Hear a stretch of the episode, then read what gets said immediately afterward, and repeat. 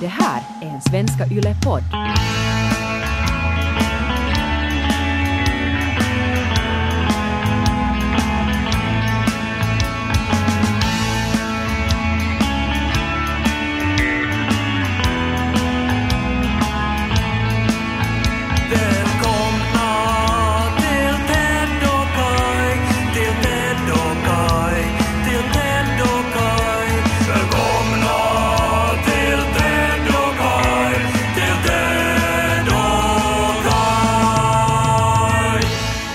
Ju inte prata om Game of Thrones för att du har ju en egen sån här eh, svekpodden som jag kallar den till. Game of Thrones-podden. Ja, där du då tillsammans med andra poddar. Mm. Och eh, jag lyssnar ju förstås inte på den skitpodden. Nej.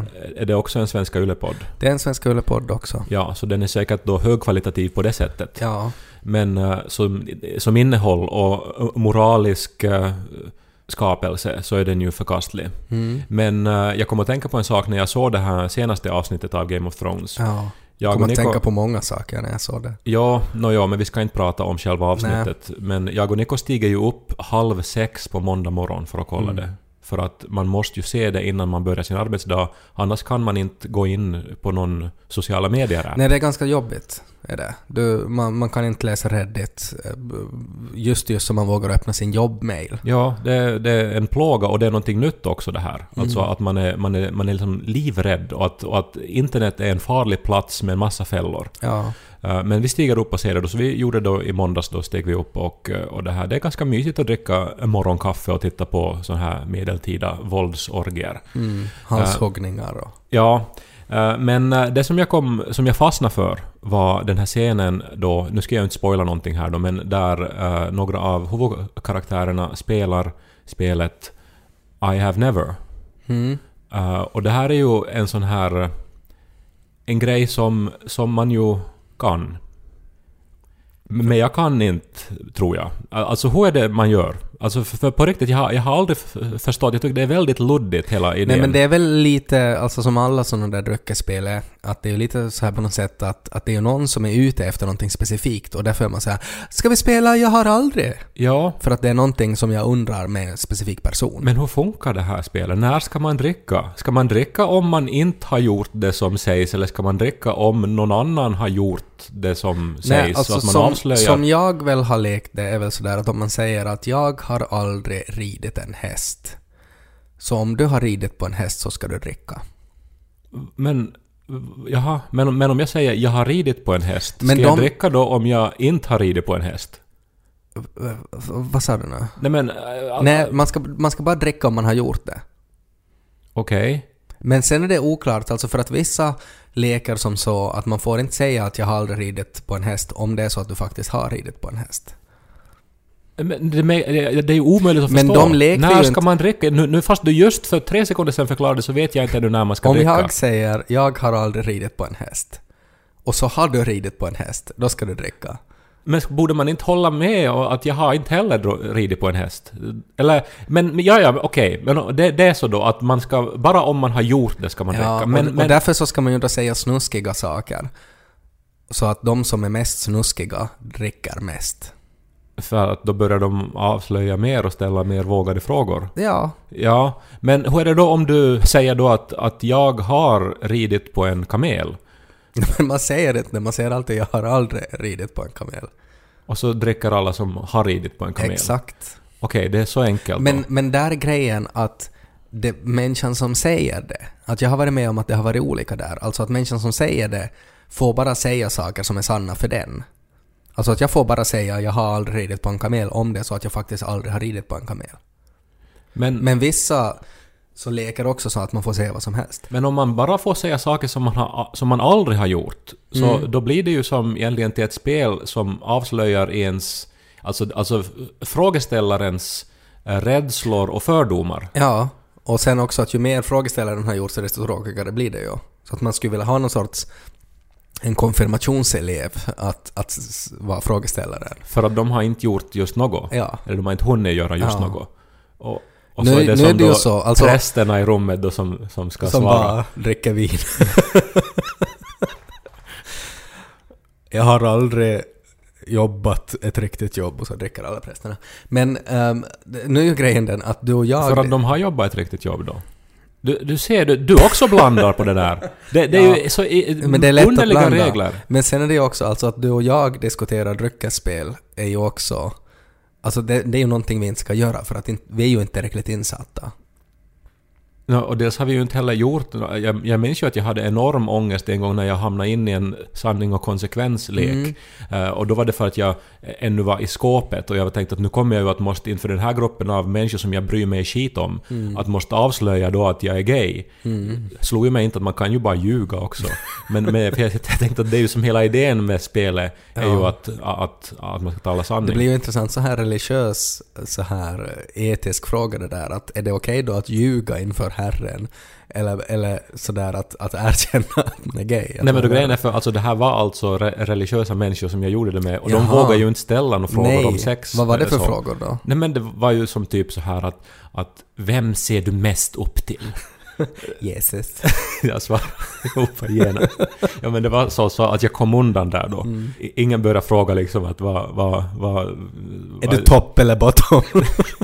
liksom, vad, vad är din favorit porrsajt eller någonting Ja. så här. Eh, men... men att de är hemska de här lekarna. Men att ja. Men varför inte bara hålla sig till snurra flaskan då? För att den är ganska svår att fucka upp. med snurra flaskan är väl samma sak? De, Ja men då är det så tydligt för att det är den som flaskan pekar på som måste då välja sanning eller konsekvens. Då, då är det inte så här ”Jag har aldrig snurrat en flaska” och så ska man liksom jonglera med tre flaskor och de som det inte landar på ska sen dricka. Men leker dagens barn och ungdomar de här lekarna? Leker Nej, man ens leker- ryska posten längre? Nej, det gör man inte.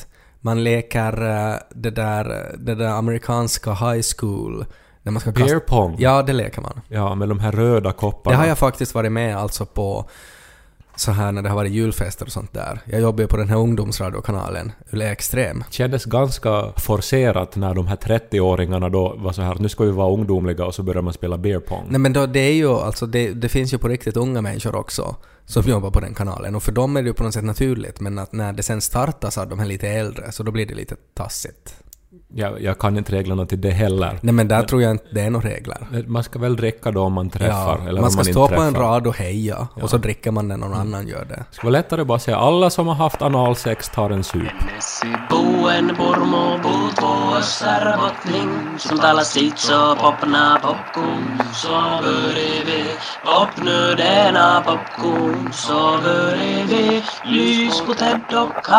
På tal om sådana där ämnen så såg du den här nyheten om den här sultanen av Brunei. Har han haft just det? Det här, Alltså, ja. jag läser rubriken. Hårt kritiserade sultanen av Brunei ger delvis efter. Homosexuella stenas inte till döds tills vidare. Vet du vad jag skrattar också? Det, det är ju, alltså det, det, det är ju det, det, vidrigaste som finns. Det är ju Game of Thrones, Det är ju Game of i- Thrones. I, idag liksom. Ja, och jag tänkte att vad, vad finns det för ämne som kombinerar de båda sakerna vi pratar om just?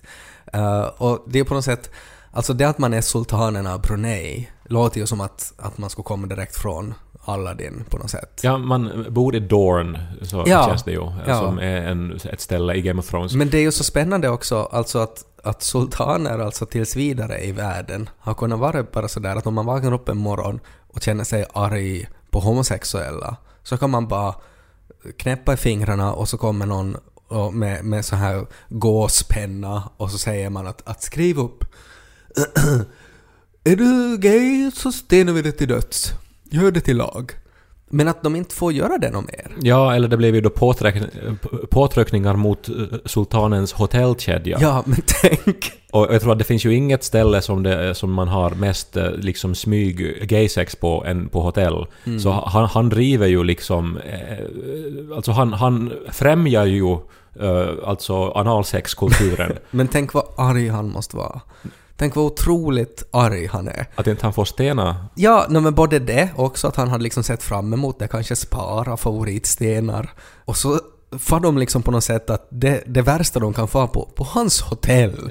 ja, så det, dit far de. ja, det visar alltså, alltså att det ändå alltså han hade en sån här stark eh, moralisk övertygelse Mm. om att det här var rätt inför Gud, men så fort man börjar liksom hota hans pengar, Ja. det visar ju som en sån litenhet. Och sen också att han ger delvis efter. Alltså att, att de är sådär att, att sultanen att hur skulle det vara om vi istället skulle fängsla dem? Att nej, ska nog stena dem. Ja. Men att det är ju just därför nu det, det bråkar med våra hotell, för, för den här steningen till döds.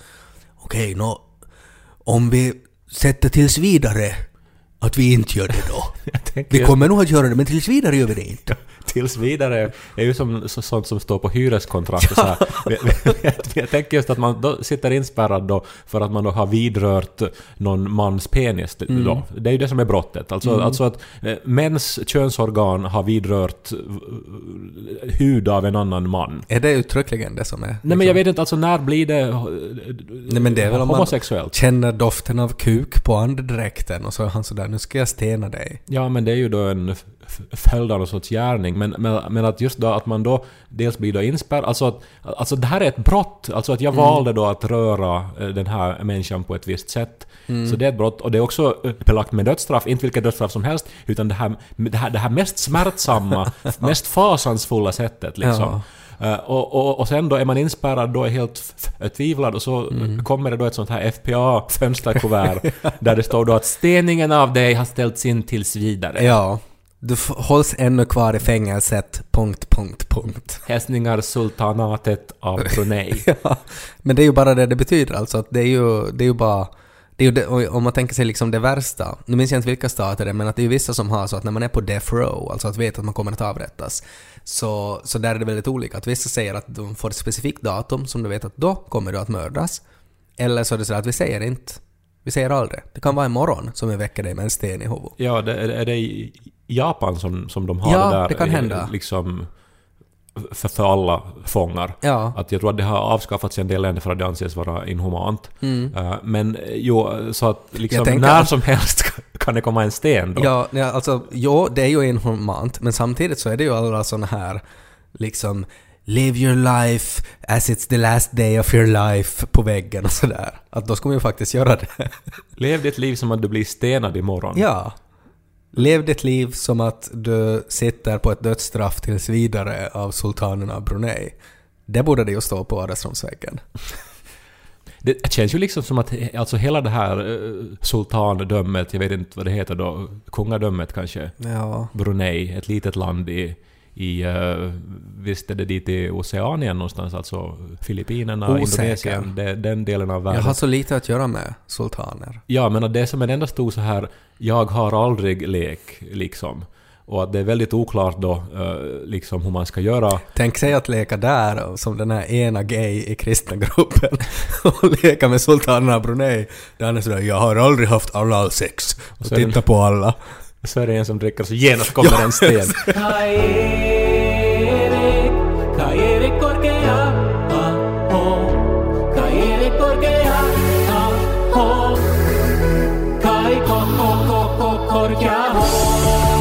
Har du sett några humlor då? Uh, nog har jag sett ett par, tror jag. Det har Ja. varit varmt. Ja, Och de kommer in i mitt arbetsrum. ja. För där är det extra varmt. Du ska vara... är det någon speciell orsak som det är extra varmt där? När jag sitter där och mohi fram fantastiska litterära alster. Okej. Eh, jag tänkte bara ha lite humleinfo. För det är ganska sällan vi har Det det. ju ingen som onanerar så mycket som författare, har ju ju- Jonas Gardell sagt. Och, och det här, så vidare. Ja, lite humleinfo tänkte jag ha. eh, För att det, har, det är väldigt sällan som vi har det. Och eh, jag stötte på ett så här litet inlägg som delades väldigt flitigt i mitt flöde. Och jag tyckte att det här var jättebra och tänkte att nu ska jag utnyttja eh, podd som plattform för att ge lite humleinfo. Är det inte roligt att en humla möter en sån här vacker blomma och så säger blomman ”Sitt på mitt face”? Och så gör du. Ja, fast de säger ju inte blommorna utan den... No, alltså, den, det är det den progra- signalerar med sina är programmerade att göra det. Ja, men det är ju så här, alltså blomman har ju utvecklat sina färger och sina dofter för att humlan ska sitta på dess face. Tror du att de är liksom upphetsade humlorna när de gör det? Nå, nu pratade jag med mannen som tror att blåbären njuter av att man plockar dem. Ja, jo, jag hade glömt det. Mm. Så de är ju liksom eh, så här sex addicts. Liksom alla insekter som pollinerar är Nej, men egentligen det. naturen, naturen är ju... Fan, allt handlar Tror du också om att, sex. att sen då när humlorna liksom ska get it on in the bedroom och så att ist- istället för liksom sexiga underkläder så har de varit liksom och plockat så här maskrosblad och så här, kan du sätta på dig det här och ligg helt stilla och vaja i vinden. Så kommer jag och sitter på ditt face. Lägg dem i bladet i face i det. Shh, blommorna pratar inte. Humleinfo. Uh, alla humlorna som man ser just nu är drottningar. Visste du det? Alltså och just menar jag inte liksom “Yes queens” utan att de faktiskt är liksom drottningar. Men du sa just nu, alltså har det ändrat det här då? Nej, men för att eh, just nu, alltså för att de humlorna som man ser just nu är drottningar som har övervintrat. Därför var den så stor den här Ja. jäveln. Jag tänkte, Mm. den, hur kan den vara så stor? Den har Ja. ju just vaknat Ja, och just börjat växa. så är det. Eh, och det är för att alltså det är bara drottningar som övervintrar. Och resten av liksom humlesamhället så dör. Så jag blev liksom alltså besökt och kurtiserad av liksom insekternas Beyoncé. Ja, Och jag förstod inte. ja. Varför så, säger man inte Beyoncé? Beyoncé. Nej, så säger man inte. Men det är ju ett apostrof på e. Jo, men man säger Beyoncé. Fuck you. Ted. Om man ser en humla just nu så ska man vara väldigt försiktig med dem, alltså för att det är då drottningar och som just nu alltså letar någon så här passlig skreva eller grästuva där de ska bo Eh, och så pollinerar de upp till 1500 blommor per dag. Det är otroligt mycket jobb det. Ja. Alla humlor som du stöter på just nu är alltså ett helt humlesamhälle. Så att om du råkar döda en humla just nu så har du liksom förstört en massa blommors chans till pollinering. Nå 1500 pollinerade blommor hit eller dit. Det är alltså, alltså 1500 blommor på en dag. Det där. Alltså att om man räknar med liksom att ett helt det här humlesamhället så då är det upp till 100 miljoner blommor. Ja, men det där, jag menar om man då pratar om att författare är kåta då och sitter Ja. då för sig själva då. Ja, jag, alltså, Så jag menar, du sa ju- att det här var någonting som Jonas Gardell har sagt som jag valde att, att förbise. Ja, men han menar väl då att författare sitter så mycket för sig själva.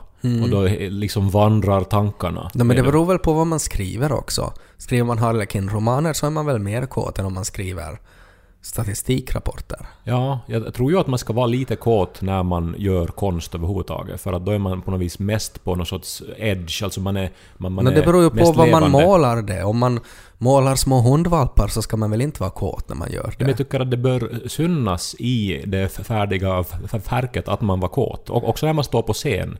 Så, så, Men så, vad, om du målar gulliga hundvalpar, då ska det synas att du är kåt när du målar dem? Nej men alltså kanske då är användningen av färger eller användning, alltså någon, någon sorts... De har röda sensuella läppar, de här hundvalparna. Nå, man kan ju få fram sån här libido på väldigt många sätt i sin konst. Och nu menar jag inte alltså...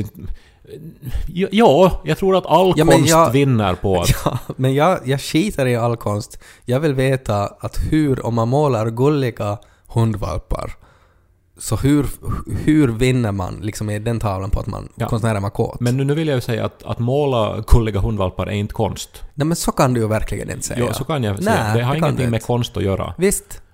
Du kan inte säga att ett motiv inte är konst. Det kan jag visst säga. Nej, det kan du ju För inte det säga. har ju ingen, inget konstnärligt syfte. Nej men på riktigt, det, du kan Ingen inte... ambition. Du kan inte säga alltså att om du ska producera konst så finns det bara x antal föremål du kan rita av så att det räknas som konst. Nå, nu, för jag föreställde ju mig liksom att det här var nu då en fotorealistisk bild av en jättekullig hundvalp. Till exempel, Ja, då är det, det, konst? det är inte konst. Nej men du kan inte säga att det inte är konst. Nå, jag kan säga att det inte är konst. Varför kan du det? Nå, då måste du motivera varför det är konst. Okej, vad säger SAOL att konst är då? Nej, SAOL är en definition, alltså en... Ja, men SAOL Definitionen av konst, vad är det? SAOL är inte en definitionsordbok. Ja, men vad är konst? Är det inte ett föremål som kanske väcker känslor och som är skapat eh, ur ett artistiskt syfte, skulle jag kanske gissa?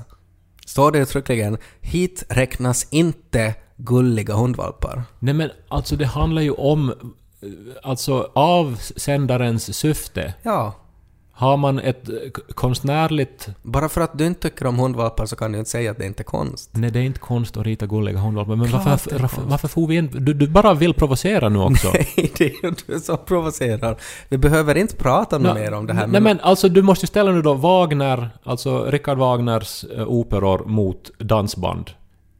Nej, men jag pratar bara om, om gulliga hundvalpar nu. Jag blir bara provocerad om någon säger att, att objektivt så räknas det där inte som konst. Det beror helt i liksom kontexten. Du gick igång här nu bara på det här och vill på något vis provocera här nu. jag blir provocerad av dig. Nej, men det är inte konst för att det har inte ett konstnärligt syfte eller ett konstnärligt eh, Men om det, är, anslag. om det är en konstnär som har en utställning där han har målat en gullig hundvalp. Det- Då handlar det mer om hantverk än om konst. Men om vi skulle googla nu på famous paintings of puppy dogs så skulle vi ju säkert hitta väldigt många porträtt som är precis samma kategori som all annan konst. Jag tror inte att man skulle hitta något sånt här som har ansetts, som har lyfts upp som, som viktig konst på något sätt. Kanske det finns en Picasso av en hundvalp. Men du pratar om kåta Det skulle författare. komma humle-info här och du hade Ja, som nej, en enda info hade Det- du. Alltså det- du, du hypade det här som att, som att nu Nej, kommer det det en, före, en TED-talk Ja. om humlor här. Ja. Och, så, och så sa du bara att Visste ni att alla humlor är drottningar? Slut. Kaj, vad är du elitist då? Alltid när jag har humleinfo så har jag det som, som upplägg bara att, att provocera fram någonting. Nej men jag tyckte att det var, det behöver inte vara så mycket humleinfo. Jag har aldrig kommit oförberedd till en poddinspelning.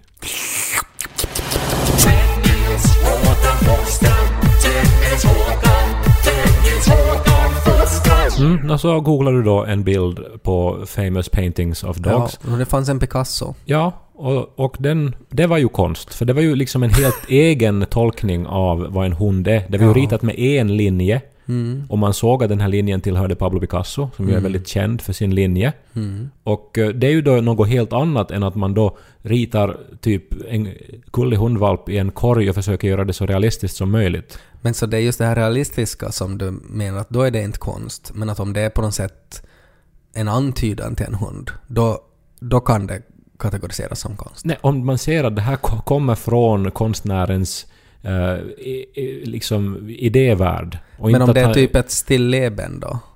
Då har man väl ritat av? No, stilleben är, ju ofta övningar, alltså stilövningar, eh, liksom konstnärliga övningar. Ja, ja, men att nog finns det just still, stilleben också som är eh, liksom såls som dyra porträtt som konst. No, jo, absolut finns det så, men att Mm. eh, då handlar det mera om att det är någon konstnär som har blivit känd för någonting annat. Ja, ja, men alltså stilleben är väl konst? Nog, klassas som konst.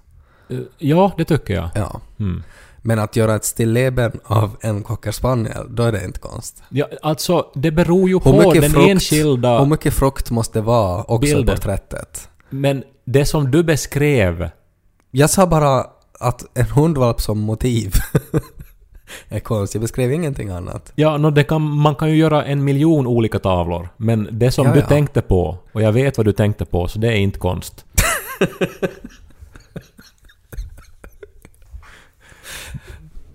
Okej.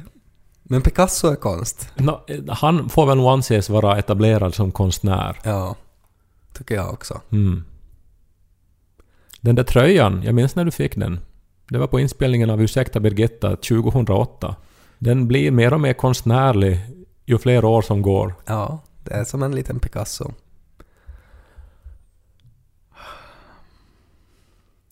Hur är det annars då?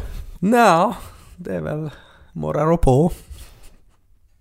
Men det är som att du, du jämför, eh, alltså, nu, om vi nu tar då ett...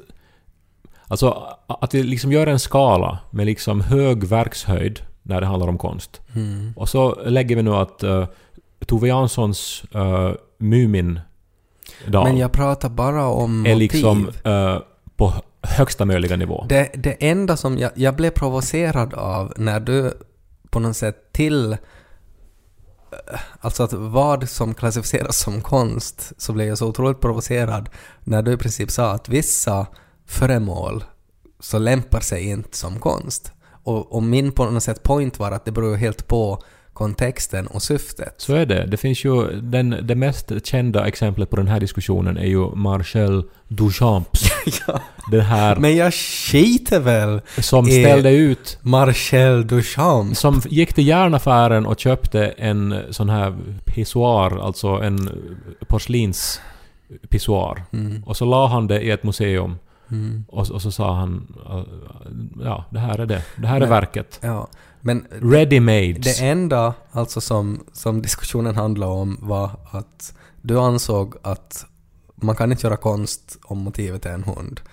Och sen googlade jag fram en Picasso av en tax. Nej, men du sa ju gulliga hundvalpar. Att om man ritar gulliga Men hundvalpar... jag säger alltid, oftast när jag pratar om hundvalpar så säger jag gullig till för jag tycker att de är det. Men det är ju sånt man har på väggen när man är barn. För att då är såna...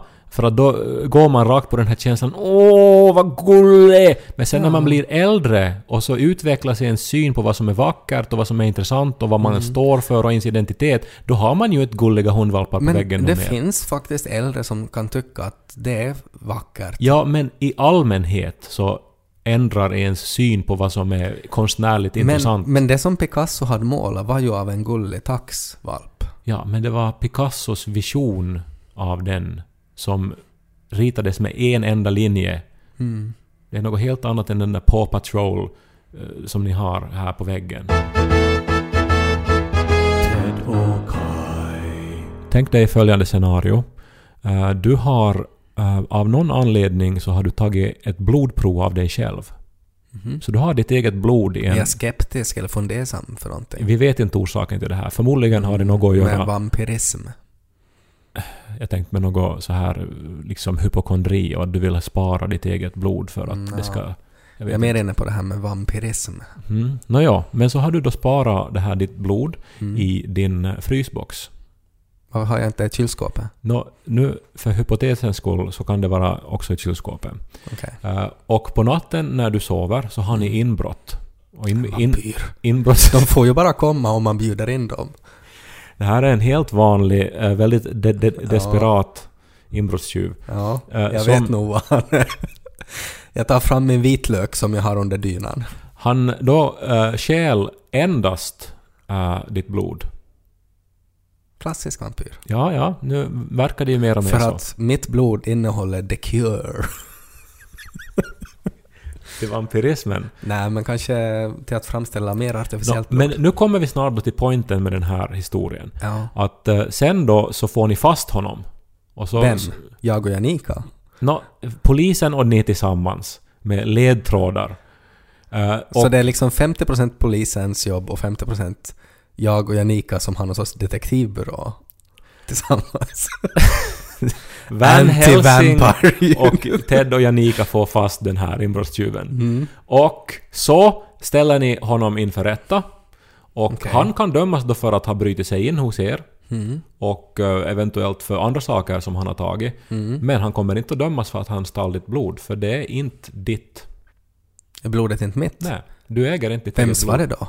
Nej, det, det är ett, en juridisk gråzon. Är det inte en sån här deckarnöt att vems blod hade Ted i kylskåpet? Nå, nu var det ju ditt blod. Det var det som var hela Oftast är det här. ju att doktorn var en kvinna i såna här deckarnöter. Att det ska vara sådär att någon säger att ”men det här är ju min son” men så, ska man, så har man inte tänkt på Mm. att, att doktorn kan vara en kvinna. Det där är annars en jättebra mätare på hur långt fram vi har tagit oss när det handlar om jämställdhet och feminism. Att det där skulle ju ingen idag liksom ha svårt att svara på, den där kuggfrågan.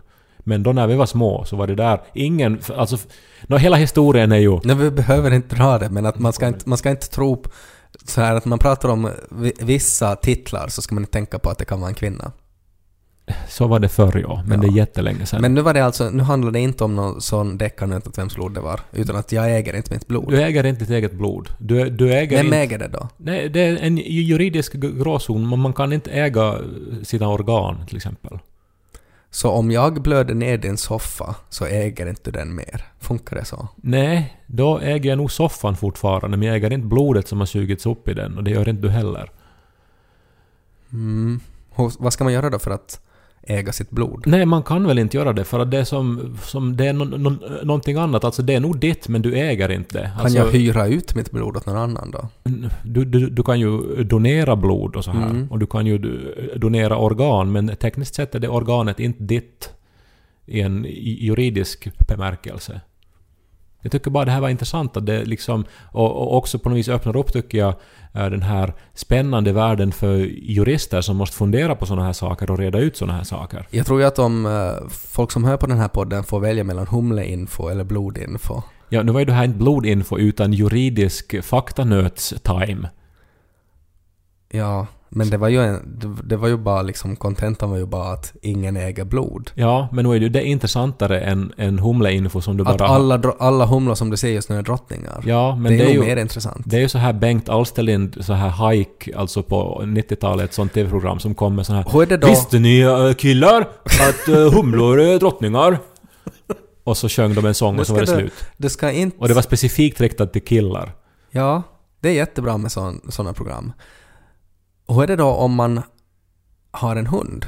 Så hundens blod, är det då mitt? För man äger ju hunden. Ja, det kanske då är en annan sak. Jag är ju inte jurist här nu, men kanske någon jurist som lyssnar på den här podden kan skriva till oss på Ted och Kai. Men vad, gör, vad kan vi göra med den här? Alltså för att grejen är ju den att med humleinfo så finns det ju jättemycket du kan ta hem.